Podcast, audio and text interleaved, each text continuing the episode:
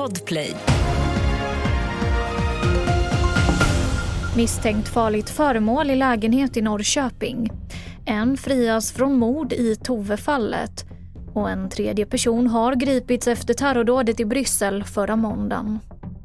Här är senaste nytt. Strax innan klockan tre i eftermiddags larmades SOS Alarm till en lägenhet i centrala Norrköping enligt Norrköpings tidningar. På plats hittades ett misstänkt föremål i en bostad och ett stort område har spärrats av.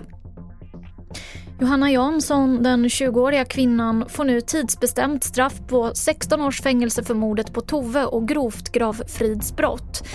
19-åriga Maja Hellman, som tidigare dömts till livstidsfängelse för att ha mördat Tove, frias av hovrätten för mord. Den yngre kvinnan frikänns från åtalet för mord, men hon döms för grovt gravfridsbrott och påföljden bestäms till fängelse ett år och sex månader. Hon ska inte betala något skadestånd. Det sa hovrättsassessor Viktor Wetterö på en pressträff tidigare idag. En tredje person har gripits efter terrordådet i Bryssel förra måndagen där två svenskar dödades och en skadades. Det skriver den belgiska åklagarmyndigheten i ett pressmeddelande.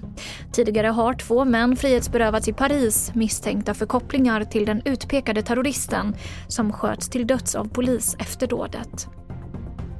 Personer som kommer från länder utanför Europa måste tjäna 27 000 kronor i månaden för att få arbetstillstånd här i Sverige. Detta från och med den 1 november.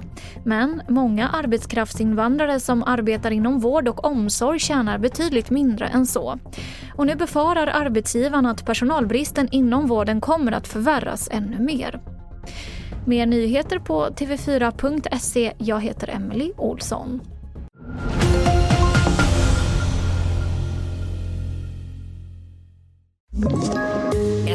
Ett poddtips från Podplay.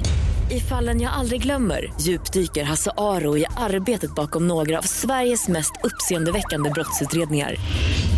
Går vi in med hemlig telefonavlyssning och, och då upplever vi att vi får en total förändring av hans beteende. Vad är det som händer nu? Vem är det som läcker?